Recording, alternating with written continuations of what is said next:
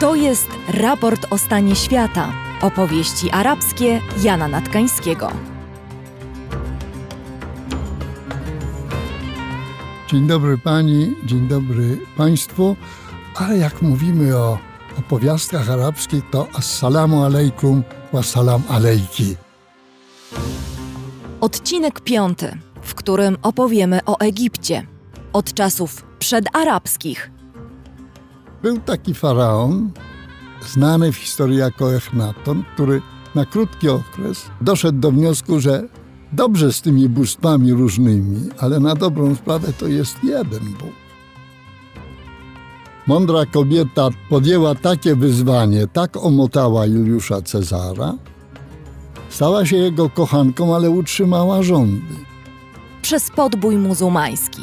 Amr ibn As, zresztą jeden ze współtowarzyszy proroka, doskonały strateg i doskonały dowódca, postanowił podbijać Egipt. Jak otrzymał list kalifa Omara zalecający wstrzymanie przekroczenia granicy, nie posłuchał, to on po prostu wstrzymał list u siebie. Po wyprawy napoleońskie. Ponieważ przywieźli ze sobą Francuzi 200-osobową grupę uczonych. Ci uczeni po powrocie rozpropagowali sprawę zainteresowania się naukowego Egiptem. I XX wiek. Brytyjczycy uznali w 22 roku Egipt jako niepodległe państwo. Władca do tej pory podporządkowany Brytyjczykom stał się suwerennym władcą Egiptu jako król Fuad I. Jan Natkański jest wybitnym arabistą i wieloletnim ambasadorem w krajach arabskich. A ja nazywam się Agata Kasprolewicz i razem z Państwem mam przyjemność słuchać jego opowieści arabskich. Czas na Egipt, kraj piramid, sfinksów, faraonów, Kleopatry. Te pierwsze skojarzenia zupełnie nie arabskie. No tak, ponieważ e, Egipt po pierwsze należy do najstarszych cywilizacji ludzkości. Do tych samych jak mezopotamska, perska, indyjska, chińska. Poprzednim razem mówiliśmy o Iraku wywodzącym się z cywilizacji mezopotamskiej, a teraz mówimy o Egipcie, który ma za sobą trzy tysiąclecia staroegipskiej, starożytnej cywilizacji egipskiej, faraońskiej. Różnica między Irakiem i tym dziedzictwem, a Egiptem jest taka, że w cywilizacji mezopotamskiej zmieniały się narody, zmieniały się stolice, zmieniały się państwa, a w egipskiej jest ciągłość. Słów parę o samym Egipcie. Słowo pochodzi Egipt od greckiego Aegyptos i rdzeń tego greckiego zachował się także w słowie Kypti, Egipcjanin. Dziś Koptowie, dziedzice tego starego narodu z czasów faraońskich bezpośredni, choć mówiący po arabsku, ale o tym później. No i chrześcijanie przede wszystkim. Chrześci I chrześcijanie, a bo Egipt to w 90% muzułmanie, a w 10% chrześcijanie, głównie koptowie ze swoim ortodoksyjnym kościołem koptyjskim. Egipt ma milion kilometrów kwadratowych i 110 milionów ludności. Gigant. Przyrost jest olbrzymi, bo co roku przybywa 3 miliony Egipcjan i co roku przybywa kilkuset absolwentów uczelni w poszukiwaniu pracy. Jeśli są Egipcjanie emigrujący, a są, to, to jest to emigracja zarobkowa. Przede wszystkim, a nie ze względu na wewnętrzne konflikty, choć i takie się powiedzmy w tym wieku zdarzały. To jest państwo w północnej Afryce na styku z Azją, bo należący do Egiptu półwysep Synaj, około 60 tysięcy kilometrów kwadratowych, to już jest część Azji. Wracając do starożytnego Egiptu. Na przełomie czwartego i trzeciego tysiąclecia powstało państwo egipskie z połączenia górnego i dolnego Egiptu ze stolicą w Memphis. To jest dziś jakieś 30-40 kilometrów na południe od Kairu. I to z tego starego okresu, a jeszcze starego okresu, bo historycy, egiptolodzy dzielą historię starożytnego Egiptu na okres Starego Państwa, Średniego Państwa i Nowego Państwa, przy czym jeszcze między każdym z tych państw były tak zwane okresy przejściowe. Ja powiem szczerze, że nie będę nawet próbował operować datami Starego, Średniego i Nowego, bo zauważyłem w publikacjach, że one są również różne. A tu dygresja. Wobec tego, co publikują i nad czym pracują egiptolodzy, no to ja byłbym zupełnie bezczelnym ignorantem, gdybym próbował zagłębiać się w historię starożytnego Egiptu. Ostatnio w maju tego roku byłem zaproszony na konferencję egiptologiczną w Polskiej Akademii Nauk. Obrady odbywały się w Pałacu Staszica. Byłem pełen uznania dla tych naszych archeologów, w większości pań z doktoratami, z habilitacjami, z profesurą, bo ich nestora, profesora Karola Myśliwca, no to znam od dawna. Zresztą e, odkrywca dwóch grobów e, notabli w okolicy piramidy Josera w Sakarra, ale o tym za chwilę. Bo chciałem podkreślić, że jeśli jesteśmy w czymkolwiek mocarstwem. Ambicje to mieliśmy zawsze być, ale jeśli w czymkolwiek jesteśmy, to jest egiptologia i archeologia śródziemnomorska. Prowadzimy na Bliskim Wschodzie kilkanaście misji. Jak ja pracowałem w Egipcie, to ich było jedenaście. W samym Egipcie, ale są jeszcze w Sudanie. Teraz e, e, są w Arabii Saudyjskiej, w Kuwejcie, w Omanie. Kiedyś były w Iraku i w Syrii, ale sytuacja polityczna powiedzmy jest taka, że stamtąd się Polacy musieli wycofać. Oczywiście to jest e, wszystko następstwo działalności nieżyjącego profesora Kazimierza Michałowskiego. Ja powiem szczerze, że z czasów mojej pracy w Egipcie do nielicznych trwałych śladów, jakie zostały po tej pracy, to było wspólnie z Centrum Archeologii Śródziemnomorskiej Uniwersytetu Warszawskiego w Kairze, bo takie istnieje od lat, to było zainstalowanie popiersia profesora Michałowskiego w takim półkolu, gdzie są popiersia innych egiptologów przed starym budynkiem Muzeum Narodowego i drugie wystawienie tablic pamiątkowych na dwóch starożytnych obiektach odbudowanych przez Polaków. To jest świątynia Hatshepsut w Luksorze na południu i Komet Dikke w Aleksandrii. Ale miałem do tej pracy dwa pomocne czynniki. Dobrą znajomość z ówczesnym szefem służby starożytności Egiptu, wybitnym archeologiem, i on, dr Zeki Hałas, pomógł mi w tym niesamowicie, ponieważ wyrażał zgodę na te wszystkie sugestie. A kierownictwo Centrum Archeologii Śródziemnomorskiej w Kairze finansowało zarówno tablice, jak i popiersie. Zresztą w 2007 roku wspólnie z wielką także zachętą ze strony doktora Hołasa zorganizowaliśmy bodajże trzydniowe uroczystości 70-lecia polskiej obecności archeologicznej nad Nilem. Ale panie ambasadorze, rzeczywiście dobrze, że pan to mówi. Trzeba podkreślać mocno, że e, nie tylko Brytyjczycy, nie tylko Francuzi, o których powiemy w tym tak. kontekście tak. dokonań archeologicznych nad Nilem, ale też Polacy do tego pocztu wielkich archeologów dołączyli. Zgoda to jest wielki wkład.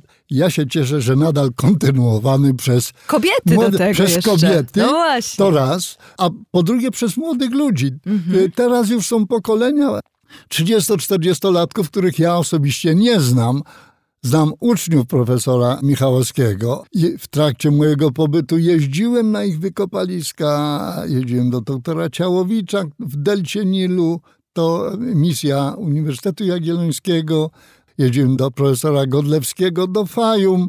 Oczywiście jest specjalne, nawet e, niemalże substacja, jak to nazywałem, w Deir Bahari, to jest po lewej stronie Luxoru, no bo tam siedzieli, gdy odbudowywali świątynię Hatshepsut. Żałuję, że nigdy nie byłem u nieżyjącego już profesora Daszewskiego w Marinie koło Aleksandrii, no ale na wszystkie nie stawało czasu.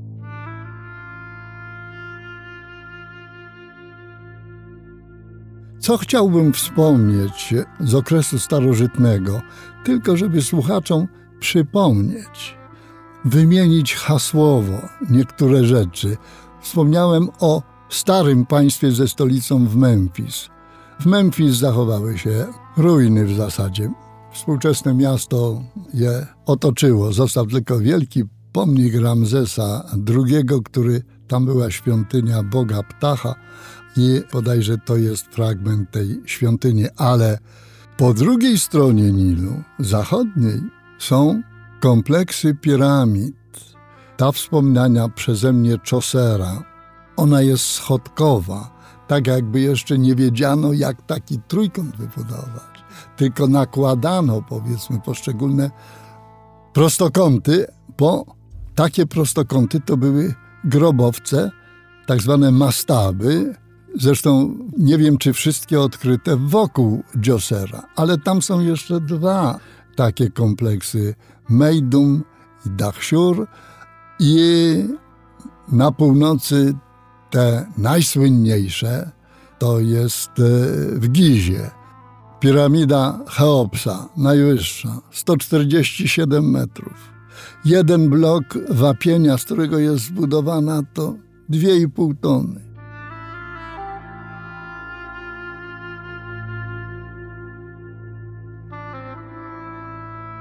Najróżniejsze koncepcje, jak to przy tamtejszej technice, kiedy bloki przypływały Nilem, a to jest jeszcze spory odcinek, jak to było wszystko organizowane. Oczywiście są już wyjaśnienia, są już teorie, ja tylko nie wiem, czy w stu procentach. Mm. Druga jest e, mniejsza zaledwie o 2,5 metra e, Hefrena i trzecia mniejsza o 66 metrów Mykerinosa. Te trzy trójkąty na tle Kairu to jest niemalże symbol, zwłaszcza, że pierwsza jest uznawana za jeden z siedmiu cudów świata starożytnego, tak jak wspomniane przeze mnie ogrody Semiramidy niegdyś e, w Babilonie. I rzeczywiście, panie ambasadorze, to słowo cud nie jest na wyrost w odniesieniu do piramid, bo chyba jest coś takiego, że kiedy patrzymy na piramidy, to czujemy się trochę bezradni jako ludzie XXI wieku z całą tą technologią, która stoi za nami patrzymy na te budowle i się dziwimy i nie rozumiemy. Po pierwsze pytanie jest, jak to zrobiono? No właśnie. Jak to zrobiono w trzecim tysiącleciu przed naszą erą? Jak to wyglądało? Ja już nie wchodzę w cały bogaty panteon bóstw egipskich. Nie wszystkie są znane, ale w powszechnej znajomości na pewno wszyscy słyszeli o Ozyrysie, jego siostrze i żonie Izydzie. Mówiliśmy poprzednio o wędrujących wątkach. Otóż Ozyrysa zabił jego brat Set z zazdrości. Mamy powtórkę bratobójstwa w Biblii Abla i Kaina. To Izyda zebrała poćwiartowane członki Ozyrysa i Ozyrys zmartwychwstał. Mamy motyw zmartwychwstania wędrujący po kulturach starożytnych, i wreszcie, jeśli dziś ktoś na Wielkanoc sadza baranka w doniczce ze świeżą zielenią, bo się sypie jęczmień, czy któreś rośliny, które szybko rosną, to tego typu symbol zmartwychwstania jest staroegipski. Jest cała masa teorii, bo tacy autorzy jak Dan Brown Kody da Vinci, do, do chrześcijaństwa jakże. też fantazja ich podnosi i opowiadają mnóstwo rzeczy. Nie, ja nie twierdzę, że bzdury, tylko w większości, nie bzdury, tylko w większości są to niekiedy umotywowane, rozsądne. Tyle, że na pograniczu, że jest to literatura i fantazja, a nie twarde fakty historyczne. No, których się nie da zweryfikować się- po prostu. które się pewnie nie, nie do końca da mm, umotywować. Jeszcze jedna rzecz, żeby skończyć ze starożytnym Egiptem. Jeśli mówimy o Memphis, to już od końca starego, ale przez średnie i nowe państwo egipskie stolica została przeniesiona do Teb. To miasto 600 kilometrów dziś na południe od e, Kairu i dzisiejsza nazwa Luxor. Dziwne takie, ale to nie wiem, zegipcjanizowane czy zarabizowana nazwa koszar rzymskich, La Castra. I od tego Castra to Luxor powstał, który w zasadzie obrósł stare miasto Teby, z których zachowała się oszałamiająca i swoją wielkością i ogromem wdeptująca człowieka w posadzkę świątynia w Karnaku. Natomiast po drugiej stronie, po lewej stronie Nilu, zachodniej, no jest też mnóstwo zabytków, poczynając od tej odbudowanej przez Polaków świątyni Hatshepsut, ale także po wielkiej świątyni grobowej faraona Amenhotepa III zostały tylko stojące przy wejściu kolosy Memnona, ale tam jest też Ramaseum, są świątynie w Madinachebu, a i to jest wszystko na podgórzu, a później rozpoczynają się górki i w tych dolinach, w górkach są dwa najważniejsze zabytków. To są grobowce w Dolinie Królów i grobowce w Dolinie Królowych.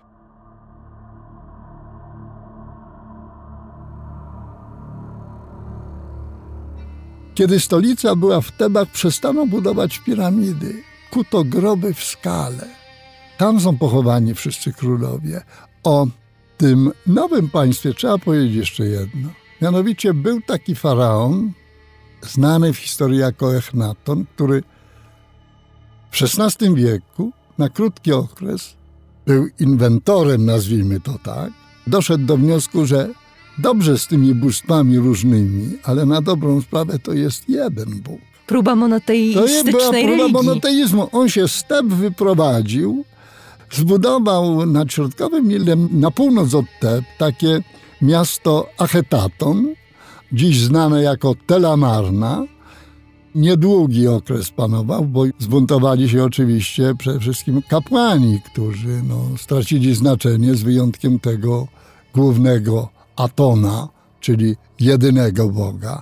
Po śmierci Echnatona wróciły stare porządki i jego syn Tutenchamon już przywrócił cały panteon bóstw. A skoro padło to imię, to musi paść jeszcze informacja, że w 1922 roku brytyjski archeolog Carter odkrył jego grobowiec w stanie nienaruszonym. To była wówczas e, sensacja archeologiczna. To od tego czasu pochodzi pojęcie klątwy faraona.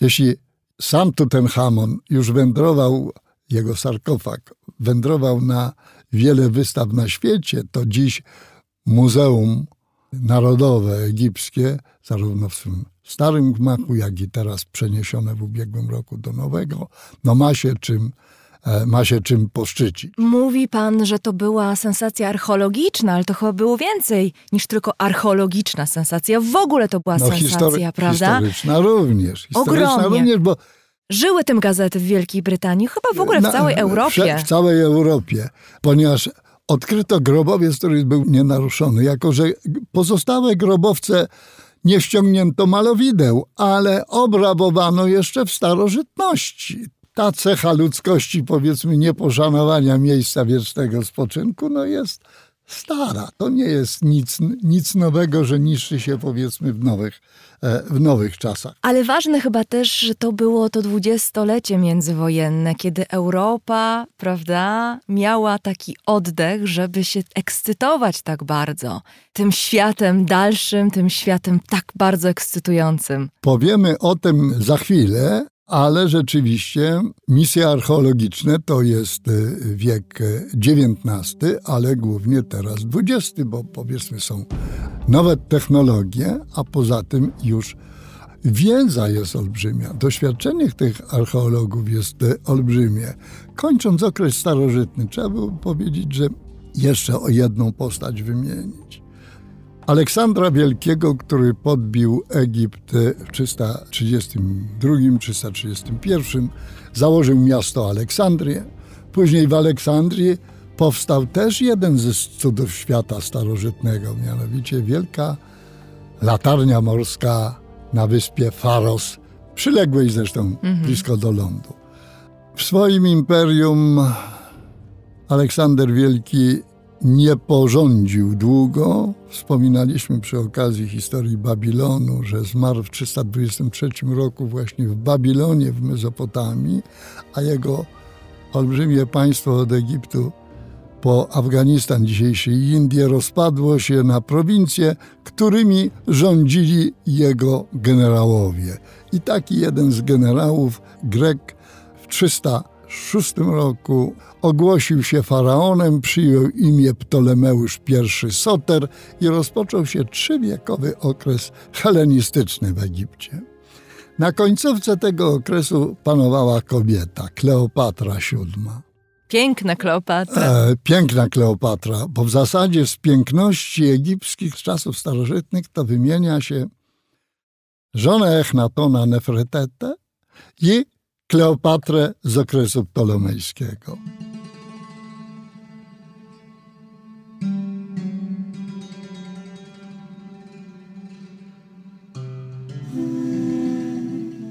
rządów Kleopatry słynne są e, przede wszystkim w takiej powiedzmy publicznej, powierzchownej wiedzy z jej romansów. Najpierw z Juliuszem Cezarem, który próbował podbić Egipt. Mądra kobieta podjęła takie wyzwanie, tak omotała Juliusza Cezara, Stała się jego kochanką, ale utrzymała rządy. Czyli takie soft power, można powiedzieć, A, użyła. można by. A, historycy tutaj e, mają różne zdania. Miała z nim syna, który miał na imię Cezarion. Jedni powiadają, e, Cezar go uznał, inni powiadają, go nie uznał. Ale Cezar w 44 roku przed naszą erą został zabity w Rzymie i kolejny z triumvirów, bo to był początek e, przejścia od republiki do cesarstwa w Rzymie. Marek Antoniusz, kiedy próbował podbić Egipt, spotkała go ta, ten sam los co Cezara, jeśli chodzi o Kleopatrę. Miłość. Z Markiem Antoniuszem miała trójkę dzieci Kleopatra, ale rządziła tym Egiptem nadal. W 30 roku przed e, naszą erą na wieść, że Marek Antoniusz zginął w bitwie z Cezarem Oktawianem, popełniła samobójstwo. Popełnił samobójstwo także Marek Antoniusz. Skończył się ptolomejski okres w Egipcie. Egipt staje się prowincją Cesarstwa Rzymskiego od 30 roku przed naszą erą do podbojów arabskich w VII wieku naszej ery. To jest prowincja rzymska. W tym czasie nad Nilem, prawie naprzeciwko Memphis, tej pierwszej stolicy, Rzymianie wybudowali wielką twierdzę. Ona później nazywała się Babilon i nie potrafię powiedzieć, czy to dlatego, że, że był to tak zwany późny okres, gdzie Egipt podbijali i Asyryjczycy, i Babilończycy, i Persowie, ale ta twierdza została. To jest ważne. Dlaczego? Bo zaczniemy mówić o podboju muzułmańskim w VII wieku. Za czasów proroka Mahometa, kiedy on z Medyny próbował rządzić jednocześnie państwem powstającym islamskim, to te jego wpływy rozszerzały się tylko na plemiona na Półwyspie Arabskim. Natomiast po jego śmierci adepci nowej religii postanowili ją rozszerzać na cały ówczesny, znany, cywilizowany świat. Najpierw się skierowali przeciw monarchii perskiej, Sasanidów w dzisiejszym Iraku i w latach 37 wieku no, opanowali. A później się skierowali na zachód, na Egipt, który w tym czasie po podziale Cesarstwa Rzymskiego na wschodnie i zachodnie stał się, jak był prowincją rzymską, to stał się prowincją bizantyjską. Ze wszystkimi tego politycznymi i religijnymi konsekwencjami. Bo zanim będę kontynuował sprawy najazdu muzułmańskiego, to słów parę trzeba powiedzieć o egipskim chrześcijaństwie.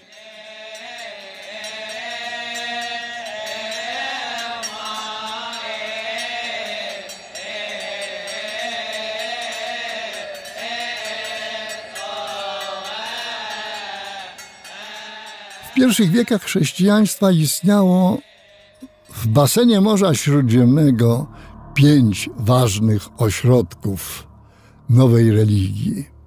Jerozolima, Antiochia w dzisiejszej Turcji, Konstantynopol, Rzym i Aleksandria w Egipcie. Aleksandria była terenem misji apostolskiej świętego Marka Ewangelisty. Do dziś koptowie egipscy uważają się za za jego spadkobierców, a nawet każda katedra to ma nazwę Morkosia, czyli katedra świętego Marka. Ponieważ e, ten chrześcijański odłam koptyjski jako swoją głowę ma papieża. I to jest następca świętego Marka Ewangelisty.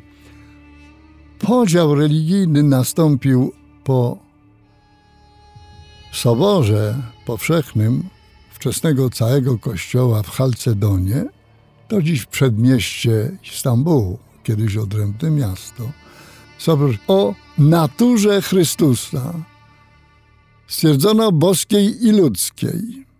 Ci z Aleksandrii powiadali o jednej naturze, bosko-ludzkiej, stąd często nazywano ich monofizytami, ponieważ nie przyjęli uchwał czy decyzji o tej doktrynie podwójnej natury Chrystusa, no to zostali uznani w cesarstwie bizantyjskim niemalże za heretyków.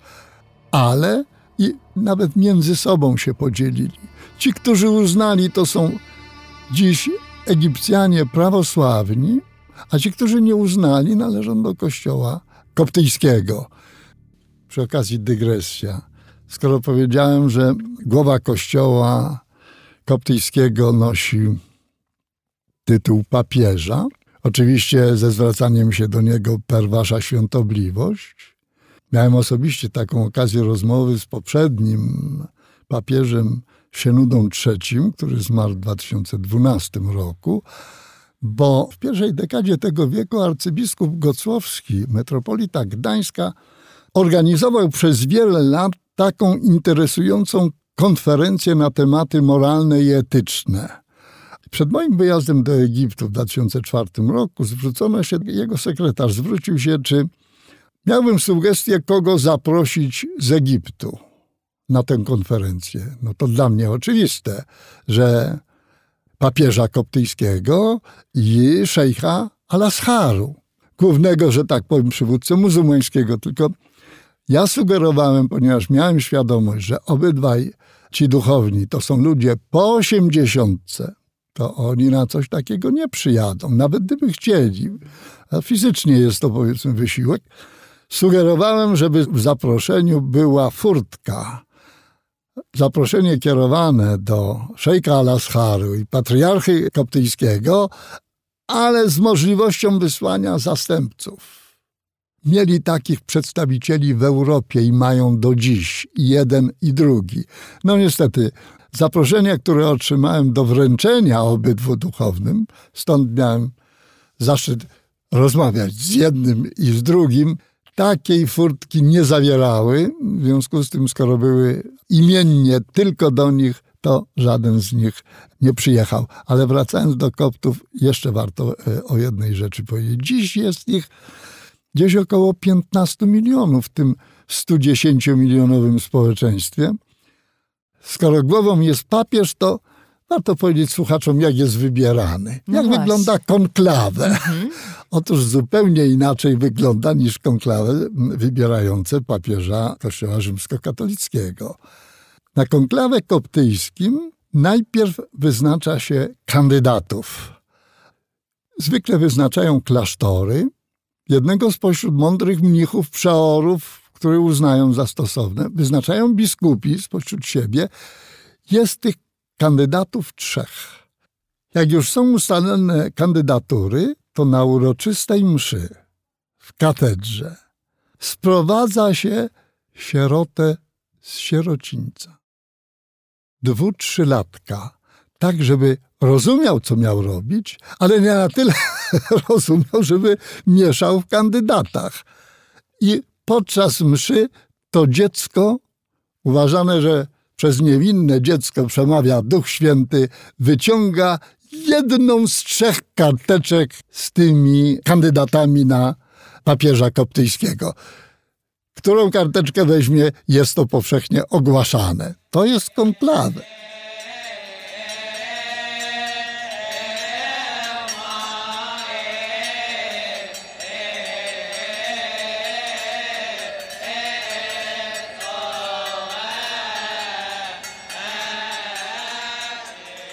Koptowie są bardzo religijni. Na przykład to można spostrzec, jak się rozmawia i kopt gestykuluje, to bardzo często można zauważyć na przegubie lewej dłoni wytatuowany krzyżyk. Wiadomo, że nie jest to muzułmanin egipski. Także dzieci mają takie Także tatuaże, dzieci mają prawda? takie, tak, bo to od, od, od młodego wieku. Jest krzyż koptyjski. Krzyż koptyjski jest równoramienny, tylko każde z ramion ma trzy wypustki. Trzy wypustki to jest forma uczenia katechizmu i podstaw wiary. Trzy wypustki to jest Trójca Święta. A jak policzymy po trzy wypustki w czterech ramionach, to jest dwunastu apostołów. Zresztą te krzyże koptyjskie w Egipcie są stosunkowo proste, ale drewniane krzyże etiopskie zawierają jeszcze więcej takich w formie cyfrowej elementów z podstaw wiary. Powiedziałem krzyże etiopskie, ponieważ w IV wieku naszej ery jeden z biskupów e, koptyjskich powędrował do Etiopii i przekonał do nawrócenia na chrześcijaństwo ówczesnego króla Aksum. To prowincja w północnej Etiopii chrześcijańska z zabytkami chrześcijańskimi do dziś i chrześcijaństwo zakorzeniło się w Etiopii. Do dziś istnieje Kościół etiopski, organizacyjnie niezależny od egipskiego, ale koptyjski Kościół etiopski w Etiopii i w Erytrei. Jeszcze o koptach. Była to przez e, następne wieki muzułmańskie mniejszość i tolerowana, i prześladowana. Zależało o jakim charakterze i umyśle był panujący w Egipcie. No to tak jak zawsze z mniejszością, która ma mniej lub bardziej ograniczone możliwości działania, to ci ludzie się koncentrują na określonych formach działalności. W związku z tym lekarze, adwokaci, kupcy, naukowcy to byli koptowie aż do czasów e, współczesnych. No i wróćmy teraz do tego najazdu arabskiego. Za drugiego z następców Mahometa, kalifa Omara, on nie był zbyt chętny, ponieważ jeszcze nie została zakończona, a trzeba był utrwalić sukces najazdu i rozbicia monarchii perskiej. Tymczasem jego wódz, Amr ibn As, a no Zresztą jeden ze współtowarzyszy proroka, doskonały strateg i doskonały dowódca, postanowił podbijać Egipt. Jak otrzymał list kalifa Omara zalecający wstrzymanie przekroczenia granicy, to się to, nie posłuchał. To co nie posłuchał, to on po prostu wstrzymał list u siebie. Jak przekroczyli granicę na Synaju, to odczytał wojsku list, ale już byli w Egipcie. To, to już nie miało znaczenia. To poszedł dalej, rozbił wojska bizantyjskie w północnym Egipcie, ale zamiast kierować się na stolicę w Aleksandrii, to poszedł na południe do tej twierdzy Babilon. No i tam nie było łatwo. Po ośmiu miesiącach twierdzę zdobyto. Stąd dalsza wędrówka do Aleksandrii. Patriarcha aleksandryjskiemu Cyrusowi postawił trzy warunki. Pierwszy. Miasto zostanie poddane, mieszkańcy przyjmują islam i będą na równym statusie społecznym jak muzułmanie w dotychczas istniejącym państwie muzułmańskim. Drugie, nie przyjmują islamu, zachowują swoje wyznanie, ale płacą podatki i będą obywatelami drugiej kategorii. I trzecie, podejmują walkę. No, znając swoje możliwości militarne, patriarcha wybrał drugie rozwiązanie, czyli zostajemy przy chrześcijaństwie i płacimy podatki.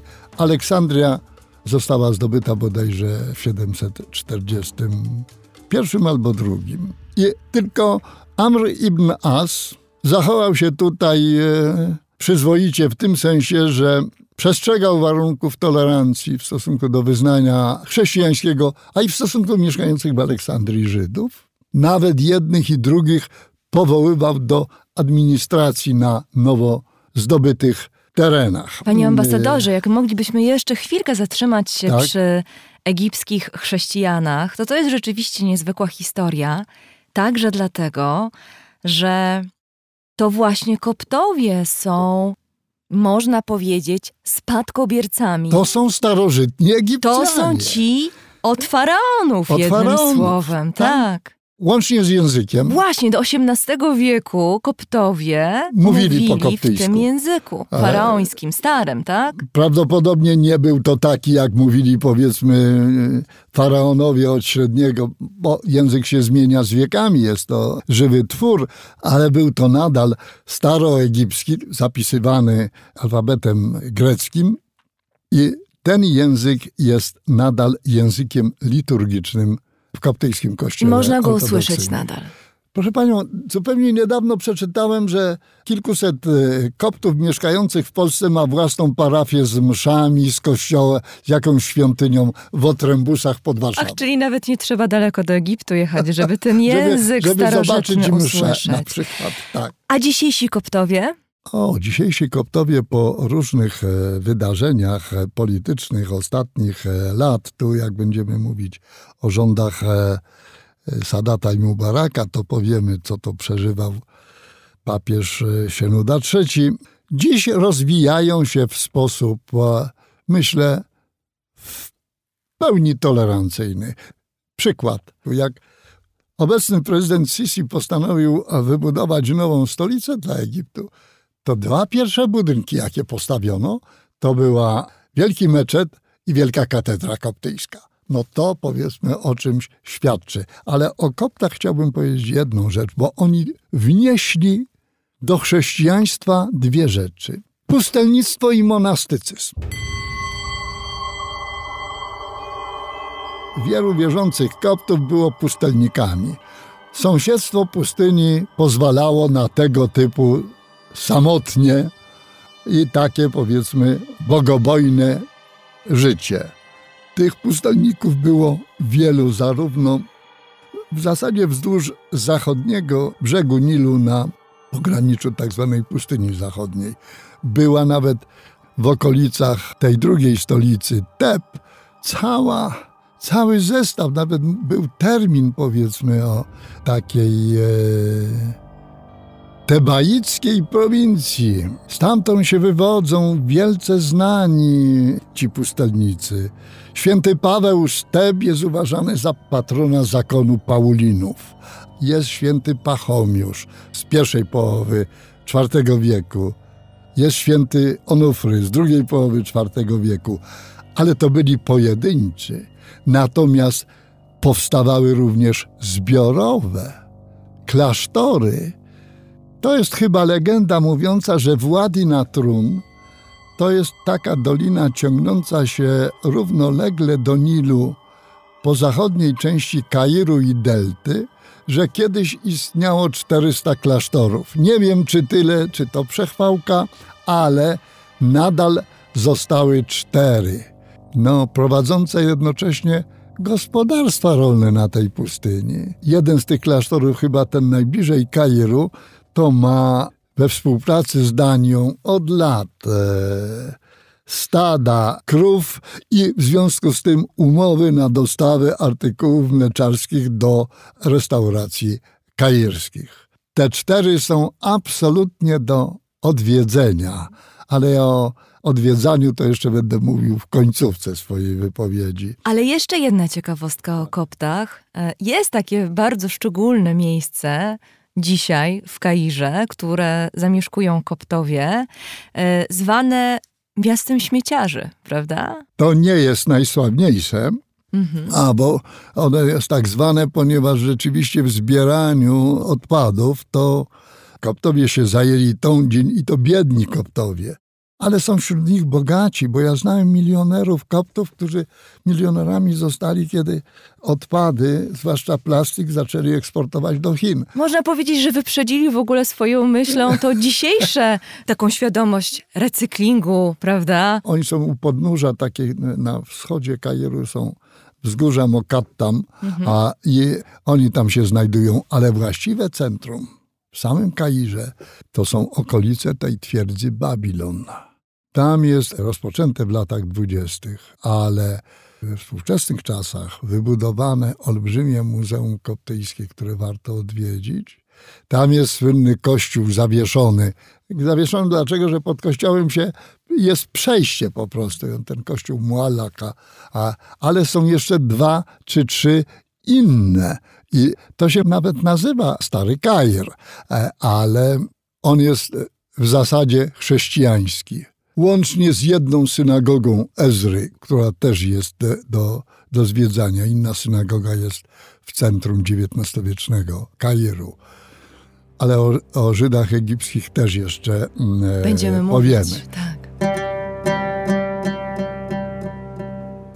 Po tym podboju muzułmańskim przez e, pierwsze wieki, szósty, siódmy, VIII to Egipt był prowincją kalifatu muzułmańskiego, najpierw z Damaszku, a później z Bagdadu, czyli należał albo do Omajadów, a później do Abbasydów. Aż wreszcie w IX wieku pojawiła się nowa dynastia, dynastia szyicka. Te dwa kalifaty były sunnickie. E, szyicka, która sobie, dynastia, która sobie uzurpowała, że pochodzi od córki proroka Fatimy i jej męża Alego. To wszystko według nawet historyków arabskich e, Nie do końca jest się klei. na wodzie pisane. To jest sfałszowana mhm. historia, ale powstała dynastia, która się nazywa, nazywała w związku z tym Fatymidami. Powstała w prowincji Ifrykia, to kiedyś prowincja rzymska, później muzułmańska, a dziś to jest Tunezja. Było to silne państwo, Formalnie powinno należeć do Abbasydów w Bagdadzie, ale nie należało, bo i Abbasydzi, że tak powiem, już swój największy okres świetności przeżyli. Silne państwo, ponieważ zagarnęło Sycylię, a ataki prowadziło przeciw Genui na północnym wybrzeżu Morza Śródziemnego, a później poszli na wschód, opanowali Egipt w 960 1909 roku i na prawie dwa wieki założyli własną dynastię fatymicką w Egipcie. To oni nadali miastu dzisiejszą nazwę, bo po arabsku zaczęli budować miasto, które się nazywało Miasto Zwycięskie, Madinatul al-Kahira. I od tego al-Kahira zwycięski jest dziś nazwa stolicy Kair. Byli zarówno mądrzy, jak to się zdarza przywódcom różnym, jak i niemądrzy przywódcy.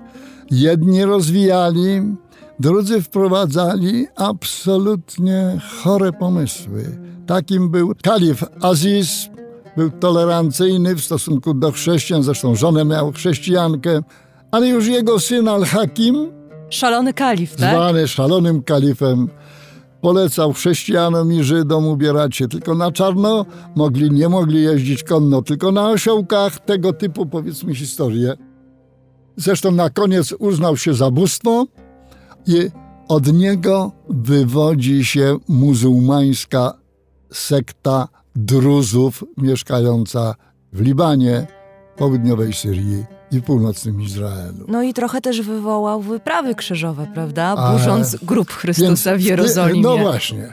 To jego decyzją postanowiono zniszczyć grób Chrystusa w Jerozolimie, co było jednym z, e, zasadniczych czynników, że papież Urban II wezwał do pierwszej krucjaty. I ogromny rozlew krwi. Te krucjaty na początek z pewnymi sukcesami, chociaż dla mnie wątpliwe, kiedy krzyżowcy zniszczyli chrześcijański Konstantynopol.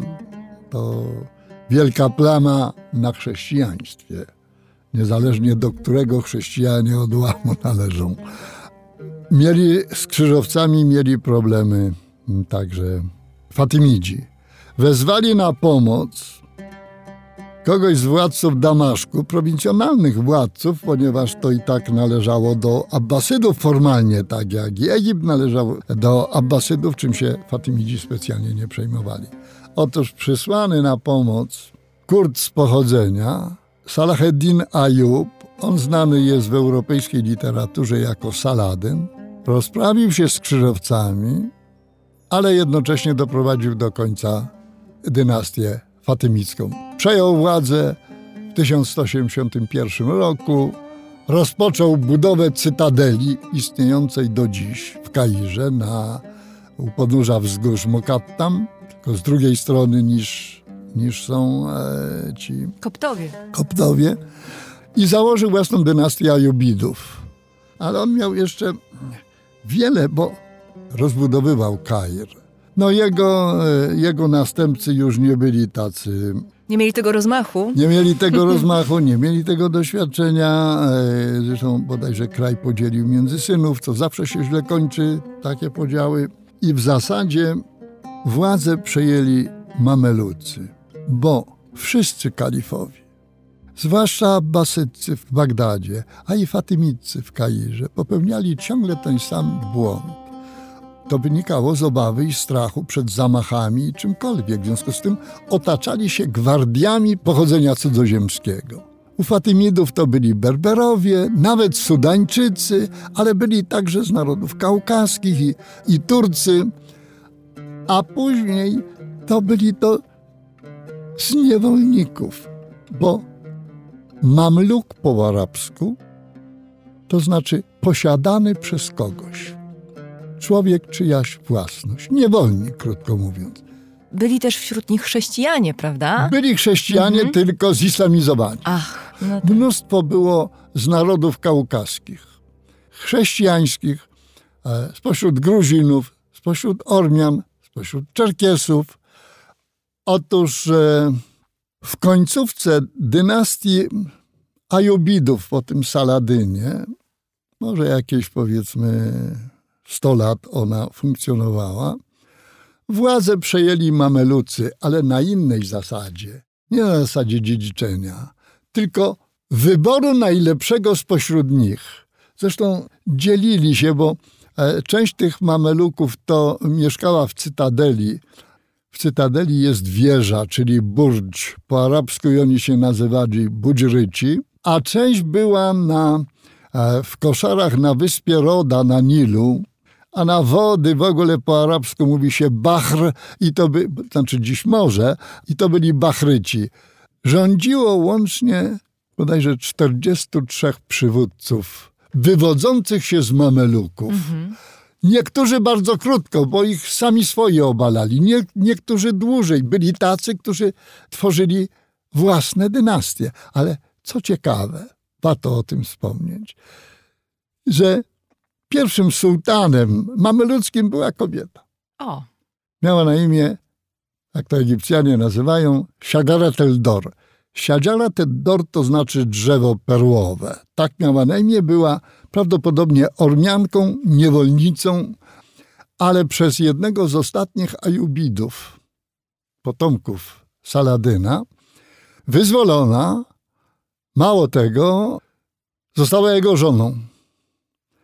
A ponieważ e, jeszcze wtedy do dziedzictwa Ajubidów po Fatymidach należała Palestyna i, i Syria, a rozpoczęła się kolejna krucjata zapowiedziana przez króla Francji Ludwika IX, to oczywiście jej mąż powędrował do Damaszku, no bo tam miał być główny atak na Ziemię Świętą. Król francuski zorientował się jednak, że główna potęga ta muzułmańska w tym regionie to jest Egipt i wylądował w Damietcie. Damietta to jest port e, przy prawej odnodze Nilu na Morzu Śródziemnym. Zanim przywędrował e, z Damaszku ze swoimi wojskami sułtan Saleh, to wysłał gońców z poleceniem do Shakaret el-Dor, co ona ma przygotować do obrony. Z nim był też w Damaszku syn. Zdołali. Zdołali obronić się przed Francuzami w Delcie w ten sposób, że król Fryderyk i królowa znaleźli się w niewoli egipskiej. Ale sam sułtan zmarł. W związku z tym przez parę miesięcy rządziła Shagaratet Dor. Ale jak syn wrócił, to uczciwie przekazała mu władzę. To była jego macocha, bo on był z innej matki. On się niezbyt zachowywał w stosunku do niej. I Mamelucy postanowili, że ona zostanie sułtanem. Nawet e, chyba pomogli temu jej pasierbowi przenieść się na tamten świat. E, ona rządziła około trzech lat. Jedną z pierwszych jej decyzji to było uwolnienie pary francuskiej, przy okazji odebranie sobie tego okupu za to, e, za to uwolnienie.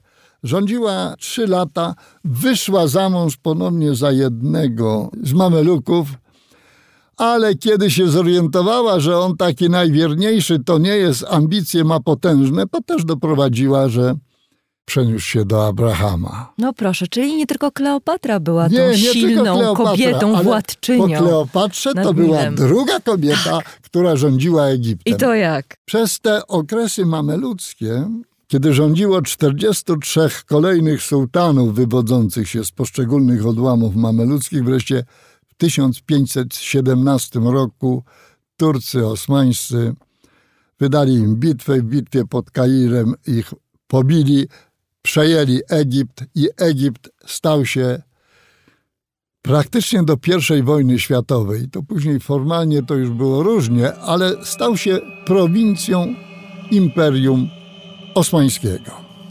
Podzielono Egipt na 12 prowincji, sędziaków.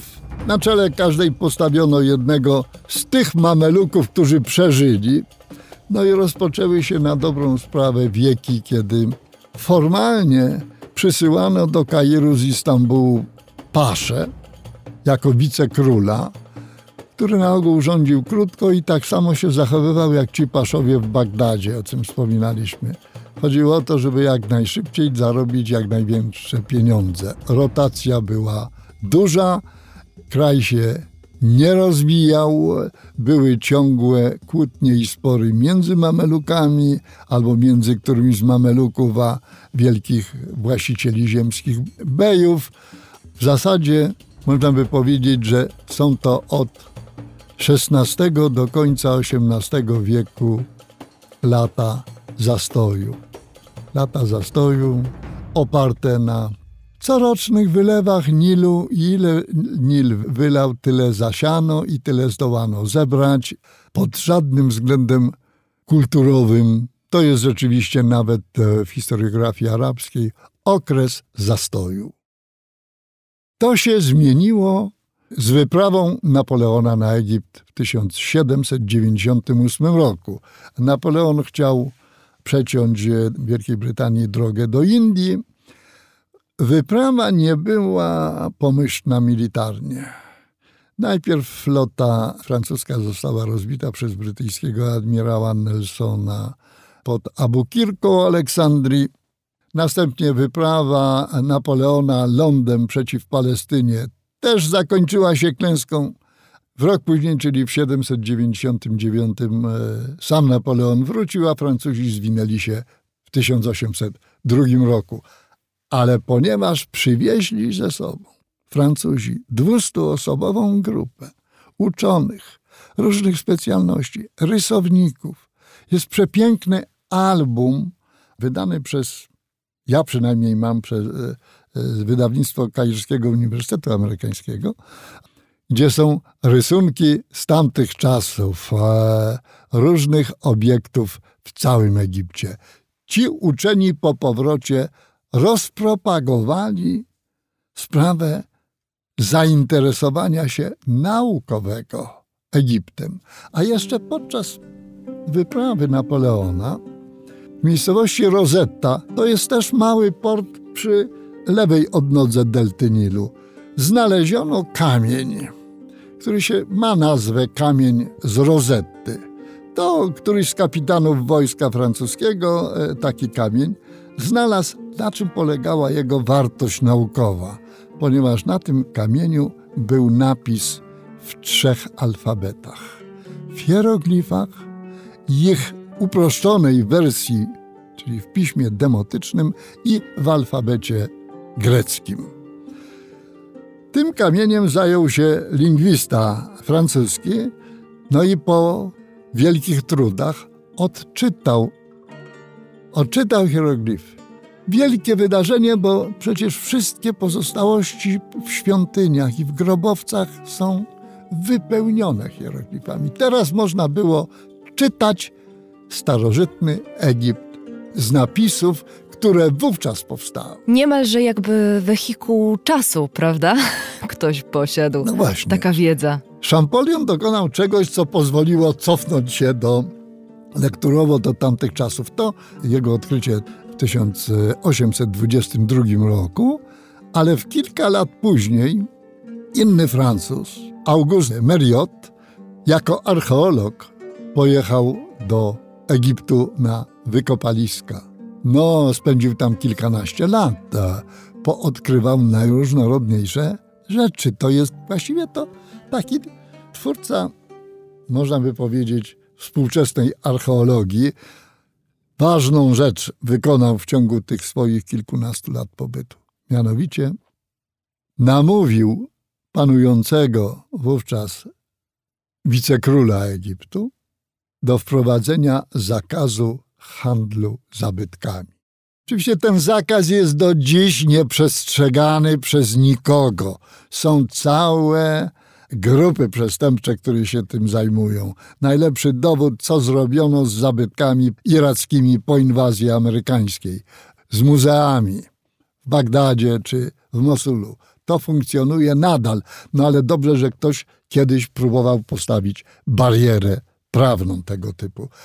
Skoro ten przełom XVIII i XIX wieku jest taki znaczący, to on jest znaczący zarówno przez e, fakt przywiezienia przez Napoleona tych uczonych, którzy dali początek zainteresowaniu naukowemu Orientem, nie tylko Egiptem, Orientem generalnie, wschodem, ale większe pewnie znaczenie miało jeszcze mianowanie przez e, sułtana tureckiego Mohameda Ali wicekrólem Egiptu w 1805 roku. Mohamed Ali z pochodzenia był Albańczykiem z Macedonii i oficerem w armii tureckiej walczącym przeciw siłom francuskim, ale po wycofaniu się Francuzów on został mianowany, no i zabrał się solidnie do rządów. Po pierwsze, zlikwidował fizycznie. To kolejny przejaw e, tego wschodniego okrucieństwa. Tak. Fizycznie zlikwidował mameluków. Zaprosił ich do cytadeli na ucztę i Ostatnią. z tej uczty żywi nie wyszli. Mhm. No miał, jako wicekról, miał pełne prerogatywy władzy w prowincji egipskiej. wprowadził uprawę bawełny. Zaprosił oficerów francuskich, żeby mu zmodernizowali armię i flotę, bo wiedział, że to doświadczeni oficerowie i jeśli zrobią, to będzie to nowoczesna armia i nowoczesna marynarka. Nawet niektórzy przeszli na islam. Wysyłał na państwowe stypendia młodych Egipcjan na studia, głównie do Francji, ale także do Austro-Węgier i do Niemiec. W Paryżu, nawet ze względu na potrzebę zmniejszenia kosztów, utworzono Dom Studentów Egipskich, który tam funkcjonował. Ci ludzie wracali, zajmowali posady w administracji egipskiej. Z Istambułem to było różnie. Najpierw, jak była wojna wyzwoleńcza Grecji w latach dwudziestych XIX wieku, to jako lojalny wicekról Egiptu popierał sułtana. Ale jak flota turecko-egipska poniosła klęskę, to się wycofał. A jak później jeszcze sułtan nie spełnił obietnic, a to on poszedł przeciw sułtanowi. Zajął Syrię, wojska egipskie pod dowództwem jego syna Ibrahima w latach 30. XIX wieku zajęły Palestynę i, i Syrię. Groziły Istambułowi. No tu państwa europejskie, które wówczas rozpoczęły swój proces kolonizacji, wymusiły na Muhammedzie Ali wycofanie się. Ale otrzymał wtedy dwa firmany. Firman to tak jak po rosyjsku ukaz, to dekret sułtański. Jeden firman nareszcie był spełnieniem obietnicy, mianowicie stanowił dynastię dziedziczną w rodzinie Muhammeda Ali rządzącą Egiptem. Czyli on nie musiał się obawiać, że teraz znowu mu jakiś, powiedzmy, dowódca armii tutaj odbierze władzę. To był jeden firman, a drugi rozszerzał jego władzę na Sudan. Po e, Muhammedzie Ali rządzili jego synowie. Ibrahim Abbas Said. I to Said w 1854 roku udzielił koncesji na budowę kanału sueskiego. Otrzymał ją francuski inżynier Ferdynand de Lesseps. Budowa trwała 10 lat. Otwarcie kanału nastąpiło 1869 roku w wielce uroczysty sposób z udziałem koronowanych głów, bo przyjechała cesarzowa Eugenia z Francji, dla której wybudowano specjalny pałac nad Nilem. Pałac istnieje do dziś i jest to kairski hotel Marriott, tylko ma jeszcze dwie dziesięciopiętrowe czy dwunastopiętrowe wieże mieszkalne dobudowane każdym razie wielka, wielka feta, prawda? W wielka feta, ponieważ z, z tak, otwarciem e, kanału. Ci delegaci europejscy to poprzyjeżdżali własnymi jachtami. Była parada jachtów w kanale sueskim. U Verdiego zamówiono operę. Opera Aida. Wprawdzie z jakich względów była wykonywana w jakichś innych okolicznościach, ja nie potrafię tego powiedzieć. Niemniej zamówienie było, opera została napisana, jest wykonywana do dziś.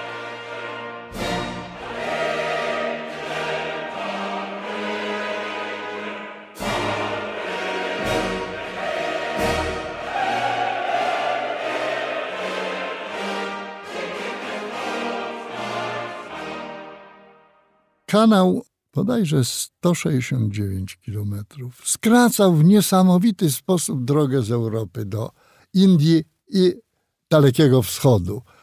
Powiada się, że odległość między Londynem a Bombajem w brytyjskich Indiach skróciła się o 7,5 tysiąca kilometrów. Tylko, że władca Egiptu przeinwestował. Oprócz finansowania budowy kanału, budował linie kolejowe i budował linie telegraficzne. Chciał mieć nowoczesne technologicznie państwo. Efekt był taki, że Egipt zbankrutował i w 1875 roku udziały Egiptu zostały sprzedane Brytyjczykom w kanale sueskim. A praktycznie to Brytyjczycy przejęli zarządzanie finansami kraju. A jeszcze jak stłumili takie powstanie Orabiego w 1882 roku, to praktycznie przejęli władzę i z Egiptu uczynili swój protektorat e, z wojskami okupacyjnymi wzdłuż kanału, jak i w samym Egipcie. I tak sytuacja trwała do I wojny światowej, choć w samym Egipcie narastały nastroje antybrytyjskie zdecydowane. Kiedy wyniki I wojny światowej były podsumowywane i tworzono nowy porządek świata na kongresie wersalskim, to przywódca jednej z partii politycznych egipskich, Saad Zahlul, udał się z delegacją egipską do Wersalu. Nic nie zyskał, Brytyjczycy go internowali na Malcie, później wrócił do kraju, ale od słowa delegacja ta partia po arabsku Waft, ta partia istnieje do dziś. Dziś jest to jedna z liberalnych partii egipskich, na początek z dużą ilością koptów w swoich szeregach, może i dziś także, tego nie wiem. I Zaglul doprowadził i partie polityczne doprowadziły do tego, że protektorat się zakończył tym, że Brytyjczycy uznali w 22 roku Egipt jako niepodległe państwo. Władca do tej pory podporządkowany Brytyjczykom stał się suwerennym władcą Egiptu jako Fuad, król Fuad I, rządzący do lat 30. Z ciekawostek polskich, jak e, marszałek Piłsudski jeździł na leczenie do kurortu Helwan pod Kajerem, to się z Fuadem I spotykał, bo ówczesny poseł w Kairze organizował takie spotkanie. W 1936 roku rządy objął jego syn Faruk. W czasie II wojny światowej Egipt stał się terenem walk między aliantami i III Rzeszą. To wzdłuż śródziemnomorskiego wybrzeża Egiptu walki trwały między Afrika Korps, czyli Korpusem Afrykańskim Niemieckim pod dowództwem generała Romla i siłami alianckimi pod dowództwem generała Montgomery. Zresztą w tych siłach alianckich tam było wiele jednostek australijskich, nowozelandzkich, z Indii, z krajów afrykańskich, ale były także jednostki polskie. Stąd generałowie Kopański i Sikorski bodajże dwukrotnie odwiedzali Egipt. Walki skończyły się klęską korpusu, niemieckiego korpusu afrykańskiego pod El Alamein w 1942 roku. Jest tam olbrzymi cmentarz, w którym co roku w listopadzie odbywają się uroczystości. Miałem okazję też w nich uczestniczyć, bo dziś odrębnie pod El Alamein jest e, wielkie mauzoleum żołnierzy niemieckich, architektonicznie nieciekawy budynek i wielkie mauzoleum żołnierzy włoskich, architektonicznie przepiękny budynek z dużą aleją wiodącą od e, głównej ulicy, bo to jest nad samym morzem. Teraz e, uroczystości upamiętnienia, kiedy wszyscy są w jednym sojuszu północnoatlantyckim, są wspólne rozpoczynają się w El Alamein, a później się jedzie do mauzoleum niemieckiego i nieco dalej do mauzoleum włoskiego. Mnie zaskoczyło w tym mauzoleum niemieckim, wyglądającym bunkrowato dosyć. Tu prawie dwupiętrowy budynek. Na ścianach wewnątrz ma tablicę z nazwiskami osób, które zginęły w tych walkach na tym terenach w czasie II wojny światowej ja byłem zaskoczony ilością słowiańskich nazwisk. Ach. Nie wiem, Ślązaków, nie wiem, bo każda tablica to jeden z landów. No i oczywiście na tablicy Śląskiej jest najwięcej, ale nie tylko. Natomiast na, e, w samym El Alamein grobów polskich jest e, tylko dziewięć.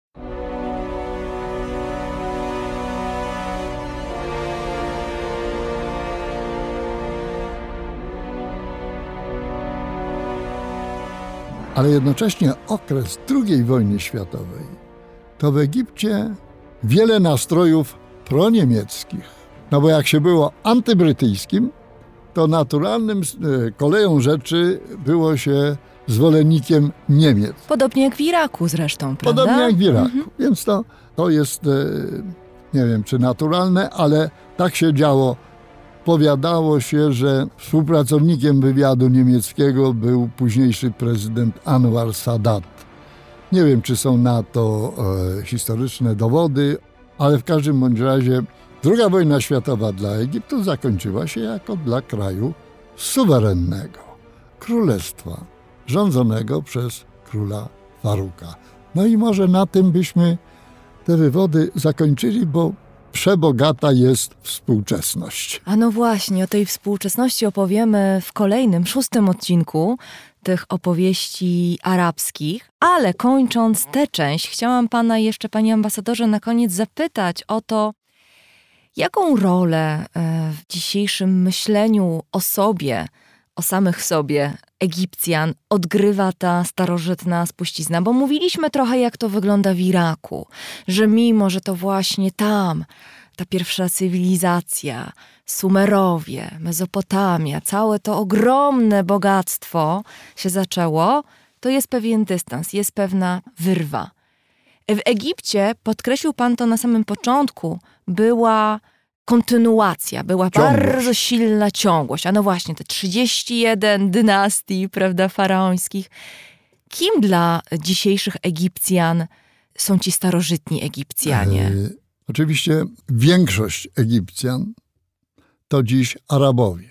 Z plemion, które przyszły z oddziałami tego Amra ibn al-Asa, a, a później jeszcze były takie plemiona z, z Hijazu, słynni Benu, Hilal, całe potężna, właściwie to chyba konfederacja plemion, a nie jedno plemię, więc miejscowa ludność też została i zarabizowana pod względem językowym i zislamizowana w znacznej mierze pod względem religijnym, ale ta ciągłość, zwłaszcza w formie Koptowie na pewno się uważają za dziedziców. Spadkobierców. Za tak. spadkobierców. Mhm. Sami Egipcjanie może mniej, bo przyjęcie islamu i później rządy muzułmańskie od VII wieku no, stanowiły pewną cezurę.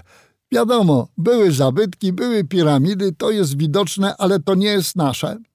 Dziś, gdybym takie pytanie za zadał doktorowi Hałasowi, o którego wspomniałem, to bym nie miał prawo pobić, bo on się czuje dziedzicem wszystkiego, a nie jest muzułmaninem. I nie on jeden, oni wszyscy się czują dziś w znacznej mierze bardziej niż Irakczycy w stosunku do Mezopotamii, że są kontynuatorami. To dziś przywódcy egipscy Myślę, że nie tylko ci powojennych po obaleniu monarchii, ale to oni w przemówieniach powtarzają, ile to mamy państwowości tysiącleci wstecz. To nie tylko Napoleon powiadał, że 40 wieków patrzy na was, zwracając się do uczonych. Dziś oni mają świadomość.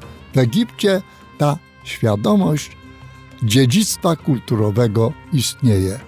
I myślę, że jednym z powodów jest ta ciągłość.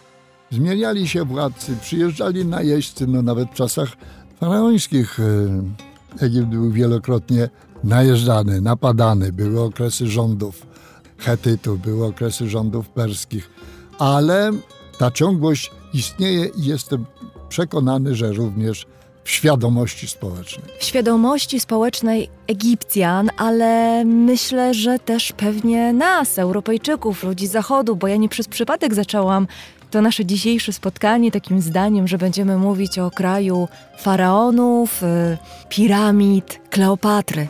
Nam ta część świata bardzo się kojarzy y, z tym dziedzictwem starożytnym, bardzo mocno uwiecznione zresztą to wszystko w popkulturze zachodniej, w filmach, no tak, w książkach. No tak, no tak. My mamy i film, i powieść Bolesława Prusa Faraon, które jako lektura szkolna nam to powiedzmy przybliżało, klimat tamtych czasów. Powstało wiele filmów. Romans Kleopatry też był inspirujący. Starsze pokolenie pamięta film Kleopatra z Liz Taylor i Richardem Bartonem z początku lat 60. Ta starożytna kultura Egiptu, powiedziałbym tak, tkwi w umysłowości europejskiej może bardziej niż współczesna kultura arabska Egiptu. Właśnie. Ale o tym sobie też powiem. Bardzo dziękuję za to spotkanie. Dziękuję serdecznie.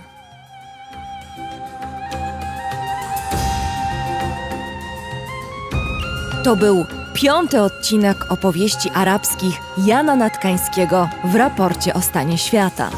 Program zrealizował Chris Wawrzak w studiu Efektura w Warszawie.